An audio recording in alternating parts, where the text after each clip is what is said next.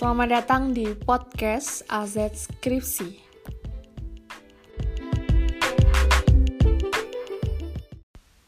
Bab 3 berisikan informasi terkait metodologi penelitian yang dilakukan.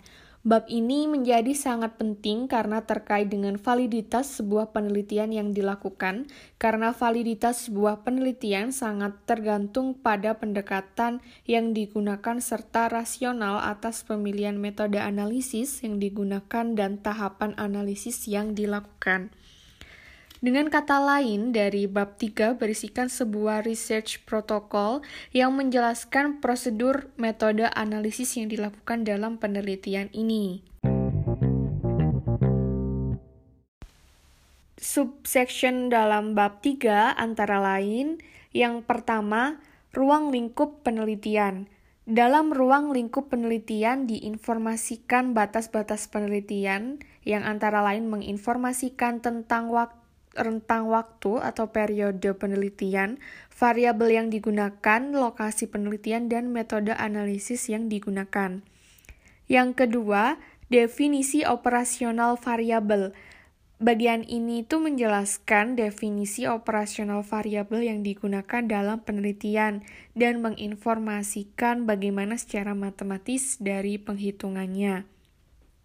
Yang ketiga itu ada metode pengumpulan data. Bagian ini menginformasikan sumber data yang digunakan yang secara umum adalah data sekunder yang didapat secara online. Oleh karena itu perlu diinformasikan lembaga atau institusi yang di yang mengeluarkan data tersebut seperti Biro Pusat Statistik atau yang sering disebut dengan BPS, Bank Indonesia serta Bank Dunia. Dan yang keempat yaitu ada metode dan tahapan analisa.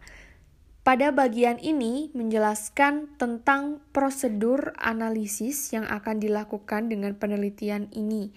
Sebagai contoh ketika dalam penelitian ini menggunakan model analisis error correction modeling, maka tahapan yang dilakukan sebelum running model ECM antara lain uji akar-akar unit, uji kointegrasi, dan uji kausalitas. Selanjutnya, setelah melakukan uji sebelum model ECM, maka dijelaskan tentang model yang digunakan. Dan selanjutnya, uji diagnosis atau uji asumsi klasik jika menggunakan model regresi berganda.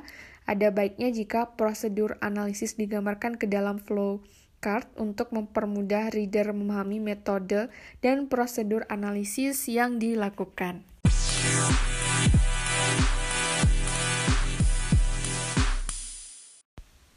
Nah, itu tadi yang dapat saya sampaikan di episode kali ini. Terima kasih kepada teman-teman semua yang sudah mendengarkan. Dan uh, tunggu di episode berikutnya, saya akan menyampaikan mengenai penulisan pendahuluan. Dan mohon maaf apabila ada kesalahan kata di episode kali ini. Terima kasih.